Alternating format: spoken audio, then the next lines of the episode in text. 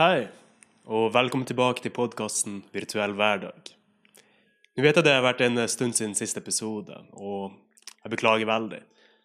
Men 2020 har vært et ganske heftig år. Jeg vet det ikke bare for meg. Men nå er vi tilbake, og vi kommer til å legge ut episoder mye mer regelmessig enn det vi har gjort før. Så fra nå av og framover kommer vi til å legge ut én episode hver onsdag. Minimum. Men i hvert fall den på onsdagen kommer til å være konsistent. Det vi kommer også til å gjøre, er å restrukturere formatet litt. Fordi to-tre timer med fri flyt samtale kan fungere, men jeg vet det er også veldig krevende for lytterne å høre på. Så istedenfor kommer vi til å ha en mer eh, fast struktur. Vi kommer til å fortsatt beholde en fri flyt samtale, men vi kommer til å redusere den til en mer enn 40-45 minutts bolke. Og I starten av episoden kommer vi til å ha en litt mer dypere forklaring av tematikken og teknologien som kommer til å bli diskutert i denne episoden. For jeg vet at ikke alle jobber i IT-bransjen som er interessert i denne. Og en innføring i hva vi faktisk diskuterer, og hvorfor det er viktig, er ganske essensielt. Så kommer vi også til å forklare hvorfor det akkurat denne spesifikke gjesten som kommer i dag, er en ekspert eller relevant til å forklare dette temaet. Og på slutten av podkasten, etter vi har diskutert i en mer friflyt samtale, kommer vi til å ha en litt mer rundere avslutning, hvor gjesten kommer til da å forklare sine synspunkter på det jeg innleda samtalen med. Om det var en nyhetsartikkel, eller om det var noe annet som skjedde i vår verden, så i samfunnet, kommer de til å gi sin take på det. Men selvfølgelig kan vi ikke avslutte på en uh, altfor seriøs tone. så vi kommer også til å be gjesten om å ha en litt mer um, ukonvensjonell spådom om hva som kommer til å skje framover innenfor dette temaet. Eller kanskje sette dem i et fiktivt scenario og se hvordan de kommer seg ut fra det. Så jeg håper dere liker det nye formatet, og kom gjerne med tilbakemelding på hva vi kan gjøre bedre, hva vi bør forandre på, hva som ikke er helt tydelig. Det er veldig, veldig velkomment.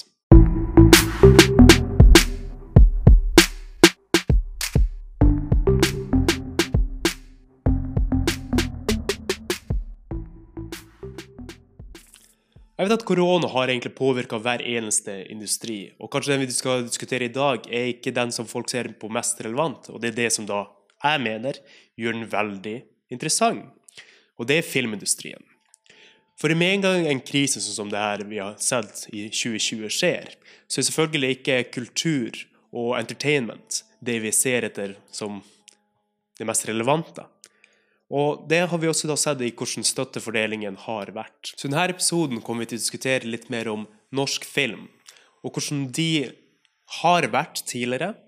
Hvordan de har blitt produsert, laget, kanskje målgrupper de har satt. Men også kanskje hvordan de må starte å forandre seg for det nye markedet. Både i produksjon, men også hvordan de når publikum. Norsk filmindustri og kinoer er kanskje en av de verdensledende innenfor digitalisering og bruk av teknologi. Og vi ble faktisk det første landet i verden til å fullstendig digitalisere våre kinoer. Men fortsatt så har den kreative prosessen vært egentlig ganske skjerma, ikke bare i Norge, men i hele verden, fra teknologiens inntog og selvfølgelig disruption. Så selv om streamingtjenester som Netflix, Amazon, Hulu og de andre har gått hardt inn i markedet, så har de egentlig bare forandra en del av distribusjonen. Men vi ser f.eks. at norske filmer har fortsatt sin primære inntekt fra kinoer og vanlige typer visninger. Så DVD-er og CD-er er selvfølgelig dødt. Men veldig mye av hvordan vi har eh, produsert film, har egentlig vært eh, helt likt i løpet av de siste 100 årene. Og jeg tror dette er en bransje, selv om den har vært skjerma for det er en kreativ bransje, kommer til å se veldig mye forandring i løpet av de neste fem årene. Både med tanke på produksjon, og konsum, og teknologi kommer til å være en veldig sentral faktor i hvordan vi gjør det her. Prisen på produksjon av film har bare gått oppover, og det er ikke holdbart i de andre industriene, og jeg tror ikke det blir veldig bæredyktig heller i filmindustrien. I dagens episode så har vi med oss Jørgen Stensland, som nestleder i Film og Kino. Det er en organisasjon som jobber for Kino-Norges interesser og vilkår, og er kanskje den bedriften Spesielt med tanke på Jørgen, som er kanskje en av de fremste ekspertene vi har i Norge, til å uttale seg om hva vi kan forvente å se innenfor kinobransjen framover. Så det er en veldig interessant episode hvor vi går innom de fleste temaer som berører både film, men også Kino Norge, og hva vi kan forvente både i år, men også årene framover. Så jeg håper dere liker denne samtaleepisoden. Eh, kino.no er jo sidene våre, da, film og kino. Mm. Eh, og vi er en interesseorganisasjon for kinobransjen. Eh, og det har vi vært i 102 år. Eh, wow! så, vi, vi, startet opp med et helt annet navn i 1917.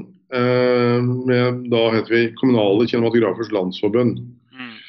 Uh, og ettersom det ble en, en uh, privatisering av de store kinoene sånn på 90-2000-tallet, uh, eh, sakte, veldig sakte, så skiftet man navn til film og kino. altså Det har vi hett i en 20, noen 20 år. Mm. Hvem som bestemmer hvilken type filmer som kommer på kino? da? Er det kinosjefen eller distributørene, eller hvor er det i leddet? Distributørene programmerer jo kinoene. Unnskyld, lager tilbudet. okay. Um, og forteller, De har en rekke filmer, da, en portefølje filmer som de prøver å selge til kinosjefene. Mm. Og Hver kinosjef um, har jo da et programmerings- og redaktøransvar på sin kino. Mm, for hver av de 205 kinoene? Ja. Og så har du jo da noen av de største altså Når du sier 205 kinoer, så er det på en måte uh, Husøy idrettslag kino på Senja er én kino. Mm. Mens Nordisk Filmkino også er én kino. Ja, ok. Forskjellen på de er jo, er jo eh, ekstreme. Så, så, de store, sånn som Nordisk, har jo en egen programdirektør. Og den programdirektøren bestemmer for alle kinoene deres, og kinosalene, da? Yep. Mm, forstår. Og det samme gjelder Odeon. Eh, de har i hvert fall én person som gjør det. Jeg vet ikke om det heter programdirektør der, men, mm. men sånn er det for de store. Og, mens for de andre kjedene er, Du har fire kjeder i Norge, basically. Du har Nordisk Film Kino, som er størst. Mm. Eh, som eh, i ho all hovedsak består av gamle Oslo kino og Norsk kino. Mm. Uh, som var en kommunalt eiet kinokjede som ble da kjøpt opp av, av Oslo kino.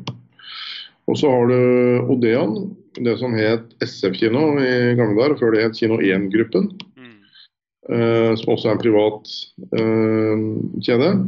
Og så har du to kommunale kjeder som er litt mer sånn løselig tilknyttet. Det ene er Kinoalliansen, som i gamle dager ble kalt for B-kinoalliansen. Som er en, en, rekke, veldig mange faktisk, eh, mellomstore kinoer. Mm. Type Hamar, eh, Lillehammer, Gjøvik, eh, Mosjøen, Bodø, Molde. Mm. Og så har du noe, ganske den nyeste kjeden som heter Kino Nord. Som er en, en ny eh, ordning med Eh, kommunale kinoer som samarbeider, og som har liksom, de har et stronghold i, i Midt-Norge og Nord-Norge. Trondheim kino, Aurora kino, som holder til i Tromsø og mange steder i Nord-Norge. Og så har de et stronghold på Sør-Vestlandet. Haugesund, Karmøy, mm, Tysvær. Hvorfor eh, har de valgt å samarbeide på den måten? Hva er fordelen med å gjøre noe sånt? Det, det er jo naturligvis stort, en stor fordel i forhold til prissamarbeid, eh, når du skal gå ut med anbud og sånn. Hvis du kan gjøre det på vegne av hele kjeden, så, så vil du jo antagelig få bedre pris enn om det går ut som én en enkelt kino. Hva du mener med anbud? Eh, F.eks. når du skal uh, ha nytt kinoutstyr eller nye stoler i salen din. Ok, Så ikke får uh, filmer? ja, nei, ikke for filmer. Dette ok, For det var det første jeg tenkte. tenkte ok. nei, dette er ikke for filmer i det hele tatt. Dette er, for, det er regulert av filmleieavtalen. Mm. Så, um, så, dette er kun for uh, det tekniske. Kino er en veldig investeringstung bransje. Uh, du har masse teknisk utstyr, og det har, ikke blitt, det har ikke blitt billigere etter at vi digitaliserte kinoene som første land i verden i 2011. Mm. Um, det er jo masse, det er en rivende utvikling, også teknisk. Kan du forklare litt om det også, for jeg tror det er veldig interessant hvordan vi digitaliserte. Og jeg vet også, som du sier, at vi i Norge var en av de første ut der. Eller de ja, første vi var det første landet som digitaliserte alle kinoene. Det var fordi vi håndterte digitaliseringen selv. Eh, så mens mange andre steder så hadde du, hadde du aktører som opptrådte på vegne av altså mellomledd, da kan du si. Mm. Um, store kinotekniske firmaer og sånn, som forhandlet med enkeltselskaper og lagde da digitaliserte etter et selskap. Mm. Uh, etter å ha laget avtaler med Hollywood-studioene. Uh, for Det som var unikt med den overgangen, var at studioene de skulle jo da gå bort fra en teknologi som har eksistert siden 1890-tallet. Er det de her eh, rullene? Ja. Til, til digital kino. Og, og, det de var livredde for, var at det samme skulle skje som skjedde med video på 80-tallet. Altså du fikk et formatkrig. Ah, skjønner. Eh, så de sa de skulle være med og betale denne overgangen mot at man da fulgte deres regler. Så de tekniske samarbeidspartnerne i um, studioene, de seks store den gangen studioene i Hollywood, satte seg ned sammen og lagde noe som het DCI, Digital Cinema Initiative. Mm. Som lagde de tekniske spesifikasjonene for all digital kino. Og så måtte man da forhandle. Eh, for de aller fleste vil jeg da si at en, systemintegrator eh, i Europa forhandlet da på vegne av seg selv. altså kunne de tilby denne avtalen til kinokjeder eller kinoer. Mens i Norge så hadde jo vi da greid pga. av denne kinoavgiften, det er jo en, en kinoavgift på 2,5% på alle kinobilletter, som vi da inntil for fem år siden disponerte. Mm. Um, og da hadde vi greid å spare opp uh, pga. det enorme DVD-salget på 2010 til, 2000 til 2010-tallet. Mm. Så hadde vi greid å spare 100 millioner kroner. Og brukte de pengene til å digitalisere kinoen. Brukte de pengene til å ha en egenandel som gjorde at vi uh, kunne digitalisere alle kinoene, også de minste. da. ja, fenomenalt. Ja, for Vi har jo en helt unik kinostruktur i Norge. Vi har kinoer eh, like mange steder som det bor folk. Så eh, eh, bitte små steder eh, på Finnmarkskysten fikk, fikk eh, tilgang til den teknologien på samme måte som i de store byene. Mm.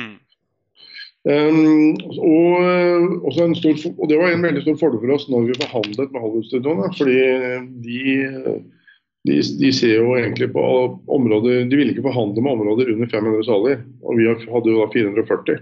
Ja.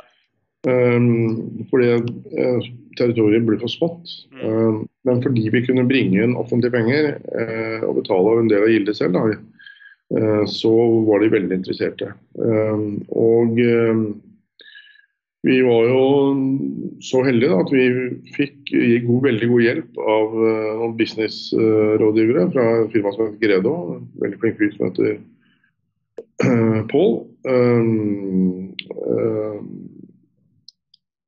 det er også etternavnet hans er borte for meg. Mm. Pål Brynsrud heter han.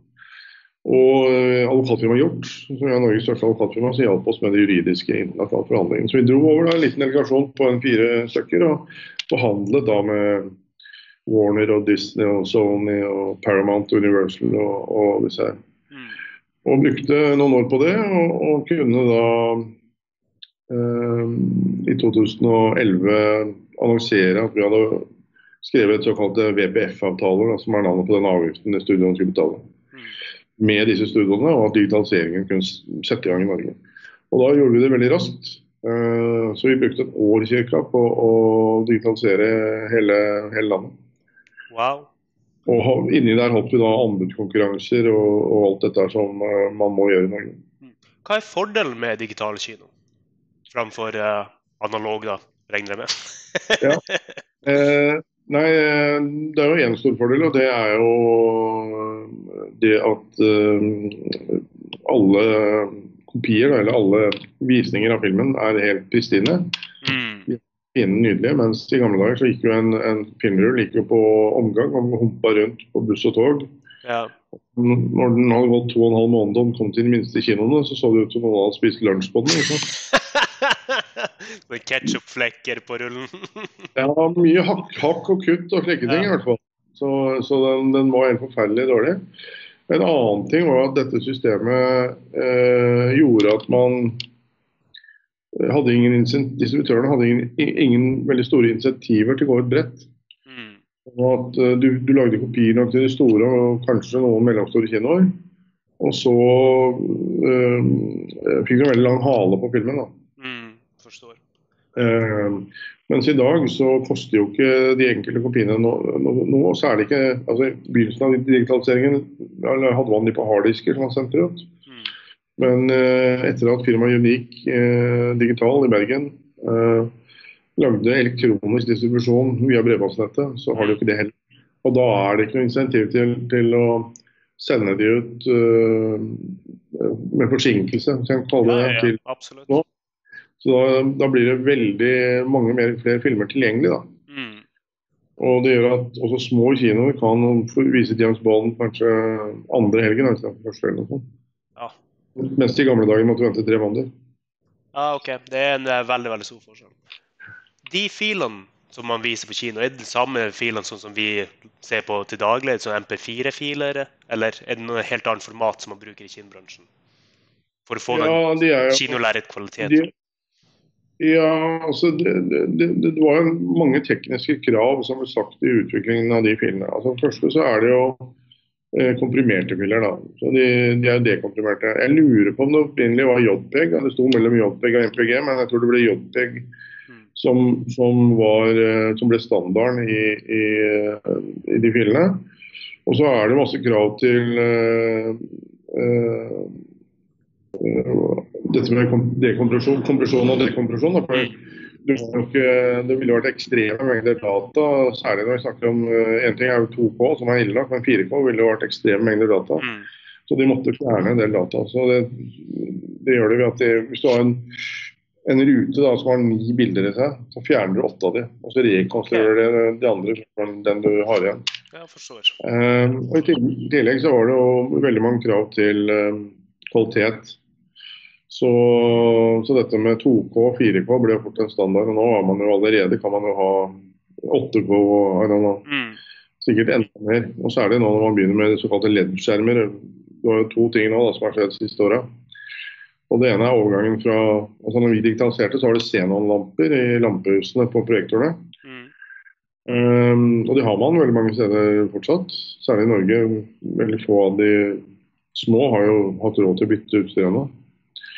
Men for noen år siden så kom det da laserproduksjon, som er i ferd med å ta over. Hvis vi går på mange av disse store salene i, i de store byene, så vil, du, vil de ha lasere.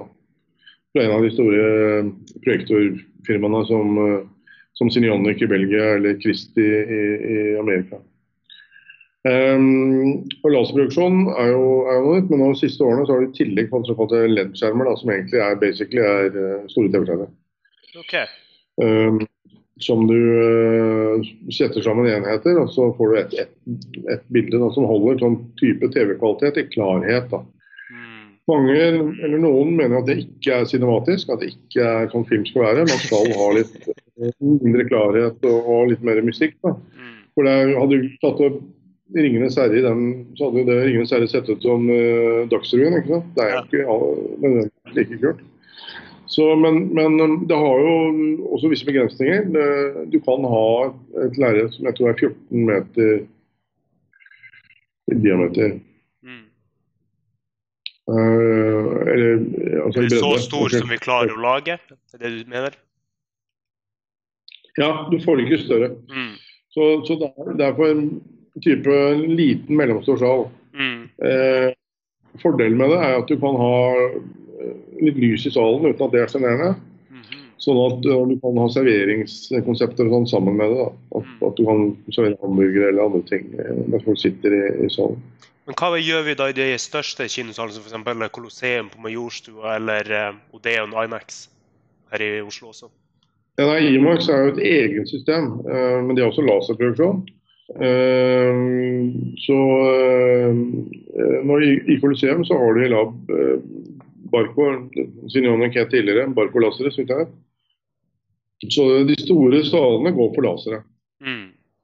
nå for tiden. Og eh, det er ingen som har valgt å kjøpe LED-skjermer i Norge ennå. Okay. Er det fordi det er for nytt og man avventer for å se er det her aktuelt? Eller venter man på kanskje at teknologien blir bedre så du kan f.eks. ha større skjermer? Dels um, er det jo dette med pris. Det er jo kjempedyrt. Uh, alt, alt, alt, nytt er jo veldig dyrt. Uh, sånn var det med laser også. Men foreløpig så er det så dyrt at jeg tror folk um, ikke er villige til å betale den prisen. Samtidig som det er litt sånn uavklart um, om dette er en, noe som kommer til å bli sånn som laserprojektoren, eller om det er litt sånn som 3D, at det er en, en fase hvor det faser ut. Mm. En ganske interessant ting å spørre er jo det her med hvor aktuell er kino fortsatt? Når vi har streaming og vi har alt så beleilig hjemme. Men fordi når jeg leser på deres eh, tall og fakta, der så ser vi jo at kinoen gjør det ekstremt bra, og de øker år for år. Så hvorfor velger folk egentlig å gå fortsatt på kino og se det, når alt er tilgjengelig sånn hjemme? Altså, vi pleier å si at uh, vi konkurrerer ikke med hjemmefilm. Uh, vi har tall tilbake til DVD-tiden og videotiden også. Det er akkurat samme uh, tingene du, du, ser der. At uh, de som er høyforbrukere av kino, er også høyforbrukere av film hjemme. Mm. Så det er en vesensforskjell i opplevelsen. hovedsakelig i forhold til det sosiale, men også litt i, for, i forhold til teknologi, og da spesielt størrelse. Det er noe annet å se jeg ser en film på Coliseum eller på Imax-lerretet hvor det er så enormt. ikke sant? Men, først og fremst så er det det å gjøre noe. Vi, spurte, vi hadde noen store undersøkelser vi gjorde på 90-tallet og 2000-tallet og nå for noen siste for fire-fem år siden. Der eh, spør publikum om aktiviteten å gå på kino kontra aktivitet å se film hjemme. Og de, de eh, opplever den som vesensforskjellig. Eh, det å sitte hjemme det er, eh, det er bare tidsfordriv. Mens det å gå på kino det er en, eh, en ordentlig aktivitet. Mm. Så våre konkurrenter er i like stor grad som, um, som film hjemme, det, og i enda større grad egentlig, så er det teater eller bowling eller det å gå på byen og drikke øl. Mm. Um, selve film, selve uh, nedlasting uh, er, De tingene komplementerer bare, bare hverandre. Så jeg føler ikke det I hvert fall ikke så lenge vinduet eksisterer. Um, kinovinduet. Vi har jo det tar jo åtte til tolv uker før en film som går på kino kommer på dørlaster. Det er også veldig interessant. Men jeg er, også, jeg er helt, helt enig. Å gå på kino er en helt unik opplevelse enn å se noe på, ja, bare på PC-skjermen hjemme eller til og med TV-skjermen. Så de mm. største, spesielt eh, de visuelle filmene som Avatar, Pirates Caribbean og alle sånne typer filmer der hvor du egentlig ikke ser så mye for storyen sin del som for mm. effektene de må man bare oppleve på kino. Du har ikke sjanse til å få samme effekt hjemme. Mm. Men uh, det andre du nevnte der, det med så lenge vi fortsatt har skjermer. Og det er jo det her med at ting starter jo Vi er ikke der ennå, men det starter å gå mot det her med virtuell uh, virtual reality. At du kan se ting med å bare ta på briller. Tror du det kommer til å forandre hvordan man ser på kino? Eller hvordan man spiller inn kinofilmer? Nei. jeg gjør ikke det, altså. Det er, eh, jeg har vært på Jeg vet at eh, noen av disse selskapene, Imax bl.a., hadde noen sånne opplevelsessentre i Los Angeles. Jeg var på et av de. Og det er jo det er gøy, det. Det er gøy å ha på seg disse brillene og bevege seg rundt i en virtuell verden, men det er ikke kino. Det er ikke en felles kommunal opplevelse som du har sammen med mange andre mennesker. Um, så Det kan godt hende at det er et, en plass for den type teknologi og opplevelser, men, men det er noe annet enn kino. Jeg tror også du har rett her. Altså, I hvert fall veldig langt ifra det. Og Det ser vi også på det her med 3D-briller. Det er også noe som var veldig veldig inn når det kom, men vi ser at salget av det går ikke spesielt bra. Så De fleste filmene går fortsatt for 2D. Ja, og spesielt i Norge så, så, så har det gått veldig ned. Mm. Uh, andelen av, av, billetter som selges med, med 3D-briller og dette, er, er veldig lav. Det kan ha litt å gjøre med problemet med teknologien. Du hadde såkalt ghosting i noen systemer, der du kunne få et slags etterbilde. Mm. Um, uh, som var et problem. Uh, og som man prøvde å løse ved å sette en vibrator på, på lerretet, så lerretet sto sånn og dirret. okay. Så det er eh, det, det har, hadde noen utfordringer der, da. Men, men, det er også Jeg tror også altså, til enhver tid så er det innhold som er viktig. Og, og tegnefilmer, barnefilmer, den type ting hvor, hvor 3D kan gjøre opplevelsen større, det skjønner jeg. Men uh, om du ser uh, Mission Impossible med Tom Cruise i 3D eller ikke, det spiller ingen rolle, for det er så mye som skjer og, og allikevel. Og er, For voksne folk så blir man ofte, kan man ofte bli litt satt ut av det. Mm. Og da en liten pause i podkasten. Jeg vet ikke hvor jeg er veldig lei av å høre det her og jeg kan love dere at alle verter er lei av å si det her. Men det hadde vært veldig verdsatt om dere kunne bruke et par sekunder på å like, del, subscribe til denne podkasten. Det er gratis, ta bare et øyeblikk, og det vil hjelpe oss veldig. Så tusen takk, og tilbake til episoden. En av de tingene jeg har lyst til å spørre om der, er norske filmer. For vi ser jo det blir produsert utrolig mange både amerikanske og europeiske filmer, og alle har en trend oppover. at Det blir produsert flere og flere filmer hvert år. Men norske filmer holder seg stabilt mellom 25 og 35 filmer hvert år uansett. Og det har de gjort de siste 20-30 årene. Hvorfor mm. tror du det er sånn? Hvorfor produserer vi ikke mer? Nei, vil, For det første er vi et lite marked, sånn at uh, de norske filmene har offentlige produksjonsbilder, stort sett. Mm. Det er noen som gjør det på egen hånd, men, men, stort sett så får man støtte fra Norsk Filminstitutt. Uh, og det er ikke sånn at de, har, de kan bare finne, finne på penger. De, må, de, får en tildeling, rammetildeling fra Kulturdepartementet.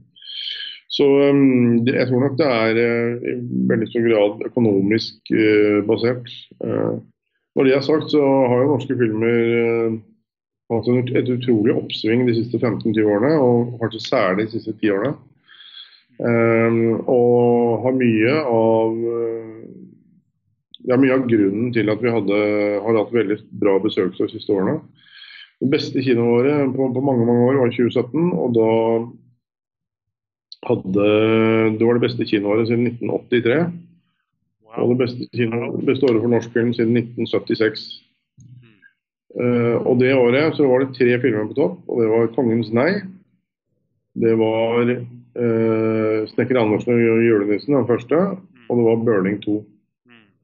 Så de årene hvor vi greier å få brede, store norske filmer på kino, det, det jubler vi for. Gjerne barne- og familiefilmer. Kinoen er veldig glad for det, for da greier vi å flytte ekstremt mye mennesker. Mm. Uh, og mm, vi ser fram til nå i den koronatida hvor besøket er på 10% av hva det var på samme tid i fjor. Uh, dels fordi det er begrensninger i antallet i salene, men også fordi det ikke kommer Vi har, kjører fortsatt filmer som kom for tre måneder siden. Mm. Så nå lanserer jo uh, SF Knerten og Sjøremenn i begynnelsen av juli. Så vi håper at vi skal greie å, å, å flytte mye folk eh, på den. Så til tross for eh, adgangsbegrensninger og én meters avstand og 200 topps i salen, så håper vi at vi skal kunne Og den skal gå såpass lenge at vi kan få mye folk i salen. Mm. Ja, for det her med korona er også en ganske spennende situasjon, spesielt for kino. Både produksjon og selvfølgelig og visning. Hvordan tror du det kommer til å være over de neste månedene eller neste året? Tror du vi kommer til å ha færre filmer, eller kommer vi til bare forskyve alt en stund framover? Ja, jeg tror Det kommer litt an på hva som skjer. Altså, hvis det blir tilbakefall uh, av viruset og ny nedstengning og sånn, så vil det jo måtte forskyve seg. Uh, hvis det ikke skjer, og man vil kunne ha fortsatt med denne gradvise åpningen, så, så tror jeg det vil uh, At vi vil få en veldig full høst. Mm. Uh, for alle de filmene som skal ha premiere tidlig på våren nå, de er flytta. Uh, James Bond kommer i november. Top Gun tror jeg kommer på nyåret. Um, og der ligger det jo andre filmer. Uh, resultatet kan jo bli liksom kannibalisering av de store titlene. Ja. Jeg, håper, håper jo ikke det, men det kan jo skje.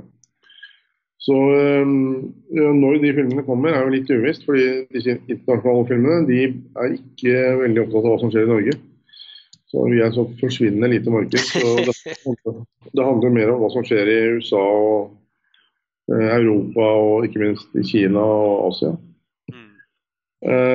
Mens de norske filmene de eh, håper vi å kunne få eh, ha litt mer kontroll på. Vi, vi, holder nå i samarbeid med Norsk Filminstitutt og eh, mange andre aktører på å lage en, en, kampanje for å få folk til å gå på kino. Mm. Uh, som vi kan starte med nå til høsten. og prøve, Vi prøver å knytte oss opp mot norske filmer. da. Jeg tror vi Knerten blir litt tidlig, men 'Burning 3', som kommer i august, uh, er kanskje en bedre uh, startpunkt. Det er en bred norsk film som mange kan se på kino. Mm. Det er også en veldig interessant ting det du nevner der med at vi kommer til å ha en opphoping av filmer som egentlig blir egentlig puffa bakover sammen og blir lansert samtidig. Det er to ting jeg lurer på med det. da. Det ene er at hvordan velger man hvilke film man skal vise? Og det andre hvor stor sjanse har norske filmer å konkurrere med de store amerikanske? Vil man ikke automatisk gå for f.eks. Tennet eller James Bond eller Top Gun, som du nevnte? Mm.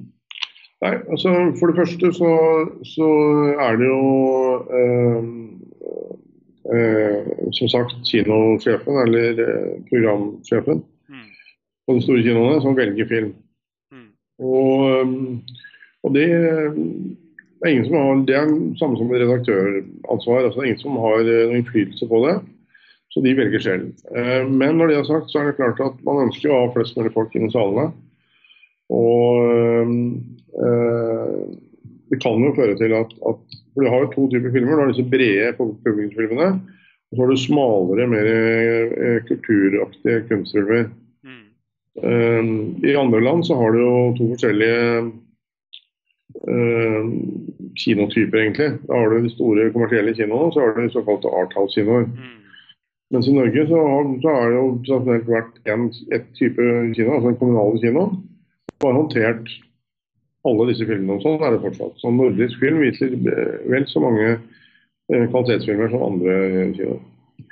Så det kan jo være en fare da, hvis det er ekstremt mange brede filmer, eh, at man ønsker å kapitalisere på det, og, og vi kanskje da skyve ut noen av de mindre brede perioder. Det kan hende. Det kan være et utvikling.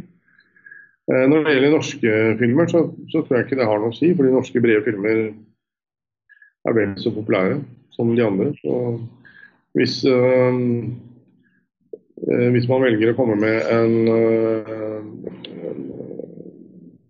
en amerikansk actionfilm samme dag som Narvik har premiere, så tror jeg den amerikanske krigsfilmen kommer til å lide for det. Eller actionfilmen kommer til å lide for det. Ja. Det er veldig interessant. Ja, det er ganske sikker på. Mm. Eh, et spørsmål også til det. da. Blir det lagd La oss si om eh, økonomi ikke var et problem, og vi kunne produsere mer enn de 35 filmene der.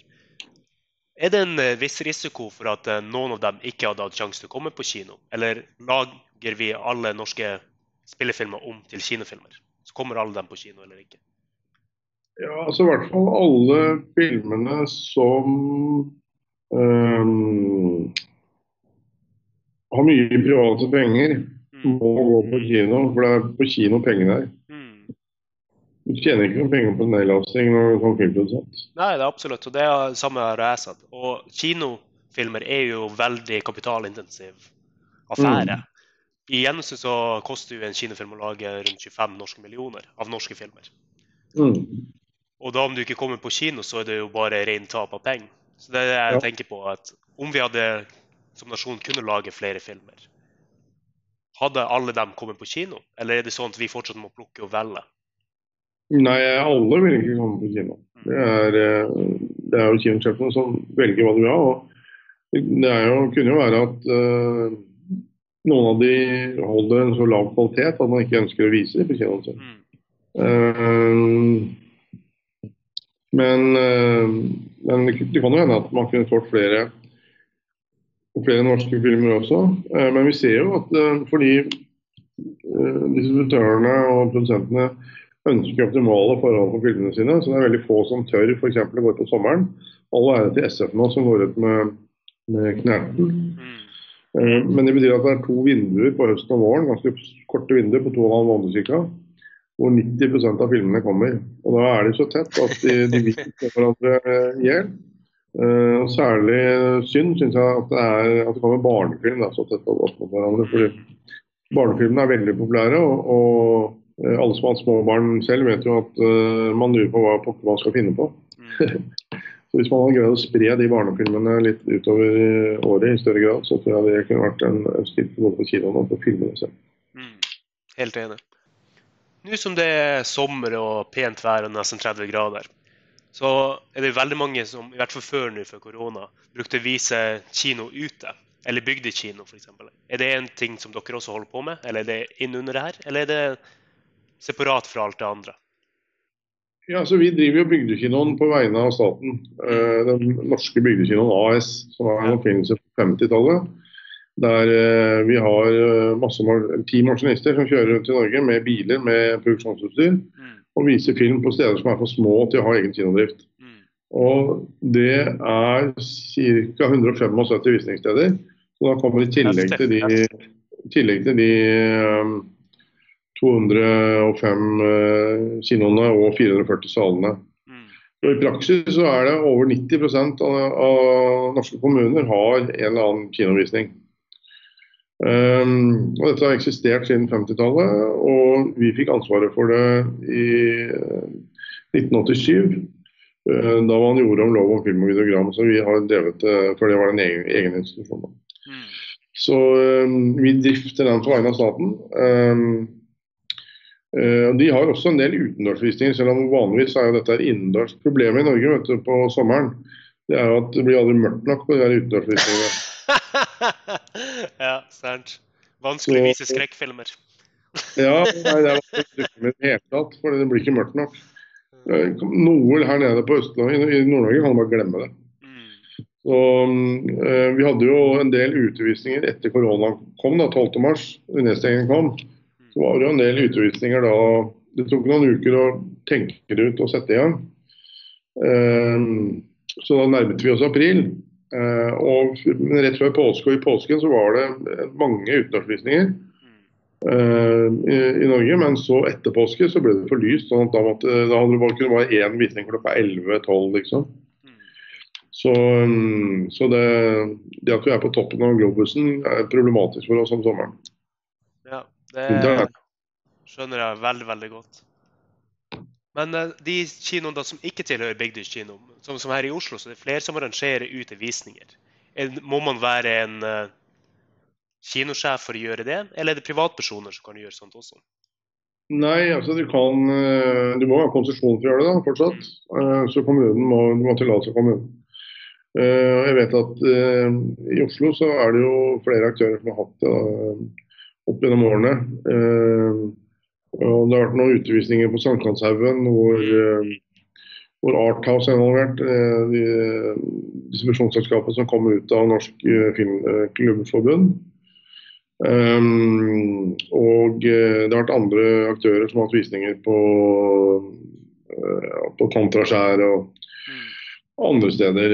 Så det er noen, noen grupper som, som, har det. Men du må Det er ikke, det er ikke i prinsippet ikke noe forbud mot å gjøre det, men noe tillatelse av kommunen. Så vet jeg, I den koronatiden så var det litt forskjellig praksis. Um, det er veldig mange som ville at du skulle gjøre via kinoen lokalt og mm. bruke deres konsesjon. Uh, mens andre, andre tillot det mer fritt. da. Tenker du at Kina har fått en grei nok støtte for alt det med korona, eller risikerer vi at vi ser nå flere, spesielt av de private kinosalene, bare stenger ned? Um, nå har jo staten gitt en bra kulturkompensasjon. Uh, men det er jo hovedsakelig private som får, da.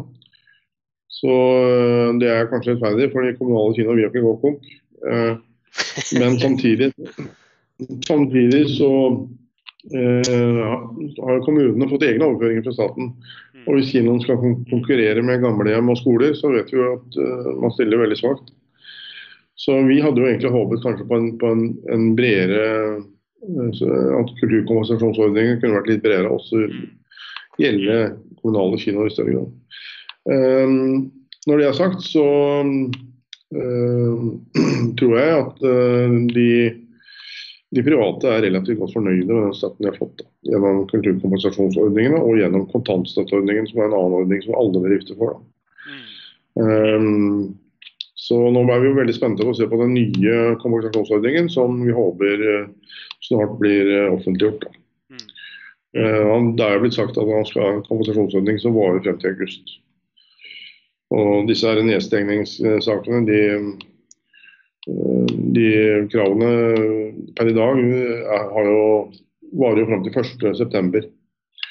Dette med 1 meter og, og 200. Så, med, eh, 200 mener jeg 200 personer maks i en kinosal? Ja, 200 personer maks i en uh, Uansett om hva slags kulturevent det er. Mm -hmm. Kan det være mer enn 200. Fordi selv om på de kinosalene der som f.eks. Colosseum, som har plass til 900 mennesker, mm. og du kan egentlig sitte langt ifra hverandre, så er de begrensningene så kraftige der òg. Ja. Mm. Så um, ja, nei, de er litt strenge. Vi opplever jo det som litt uh, altså, Vi skal ikke klage på at det er, er smittevernregler, men mm. det vi klager på er at de tolkes forskjellig. Uh, og Vi har jo nå en periode opp, uh, drevet med én meter fra midten av setet. Det gjør at du kan sitte på annethvert sete. Mm. Eh, men nå på fredag så kom eh, smittevernmyndighetene med at du må regne fra armlenet. Og det betyr at på kino, så må du sitte, og så må du ha to ledige seter mellom deg og nestemann. Ja. ja, alle veier også. Både fram og bak regner jeg med. Nei, ikke fram og bak, for det er lengre. Det innsteget er ofte over en meter Ja, okay. nedover. Ja. oppover, Men sidelengs. Ja. Og det syns vi er litt underlig når du kan sitte på alle setene på fly. Ja. Og om du Eh. ser på Sørenga eller noen badesteder her i Oslo, så ser Mm. du at den énmeterregelen den er for lengst glemt. Ja. Og på busser og trikker og på, på restauranter. Så det er, vi syns jo kanskje at vi da som eh, eneste vi ber om er å få ha ett sete mellom hver. Mm. Og når vi sitter fastmonterte seter og ser én retning, Mm. Så tror vi at eh, den eh, faren for, for smitte sidelengs er veldig liten. Mm. Jeg er helt enig. Så lenge som sagt folk bare vasker hendene og Mm. oppfører seg som normale mennesker, så tenker jeg at det der er, bør absolutt fungere. Mm. Men du sa også at dere har laga en kampanje nå for å få folk tilbake til kinoene. Ja, vi holder på. Mm. Hva er tankesettet bak det? Nei, altså det er jo, det er jo øh, dobbelt. Eh, det ene er å få gjøre øh, folk oppmerksomme på kino igjen. Få dem tilbake i, i frontallappen i, i avgjørelsesøyeblikket når man skal velge aktiviteter ute. Mm. At kino er noe som er trygt, og at, man kan, øh, at det er bra at, at det, det eksisterer. Mm. Eh, og så er det å prøve å knytte det opp mot filmer, særlig norske filmer, eh, for å få gi de en ekstra dytt. For de trenger det, de òg. Eh, For disse kompensasjonsordningene for eksempel, de har i liten grad ivaretatt eh, behovene til distributørene Mm. eller leverandørene. Så, så de sliter mye mer økonomisk enn det kinoen gjør. Mm. Så vi, vi prøver å løfte hele den norske bransjen av ved å gjøre dette. og Derfor er det også et samarbeid mellom, mellom hele bransjen. Mm. Så både produsent, ja, Produsentforeningen, kinoene og distributørene er med, står sammen om dette sammen. og Filminstitutt. Er dere ofte med å markedsføre filmer også, eller er det noe som distributørene gjør, og kinosjefene er mer i isolasjon? Ja, Vi markedsfører ikke enkeltfilmer. Det skjer på kinonivå og det skjer på eh, distributørnivå. Mm. Vi, har, vi, har, vi hadde mange flere kampanjer før. Nå har vi to kampanjer igjen som, vi, som er egentlig to festdager som vi markerer også med markedskampanjer. Det- Det er den store kinodagen som vi arrangerer. Som er første lørdag i november. Den har eksistert i over 30 år. Mm. Eh, halv pris på kinobilletter. Og vi har flere folk inne på kino den dagen enn det er folk på kino en vanlig hel, hel helg. Altså tre dager. ja. Så det er en stor festdag. Og så begynte vi for 15 år siden med den store skolekinodagen, som er andre tirsdag i februar. Hvor vi prøver å få skolene til å gå på, på kino i større grad. Mm. Og vise vanlige filmer eller skolerelaterte filmer? Nei, det er vanlige filmer, i, i, men i en skolesetting. Ja. Så for, eh, Vi har, laget da filmstudieark, sånn at eh, lærerne kan ta med seg og ha eh, faglige diskusjoner etterpå rundt disse filmene. Mm.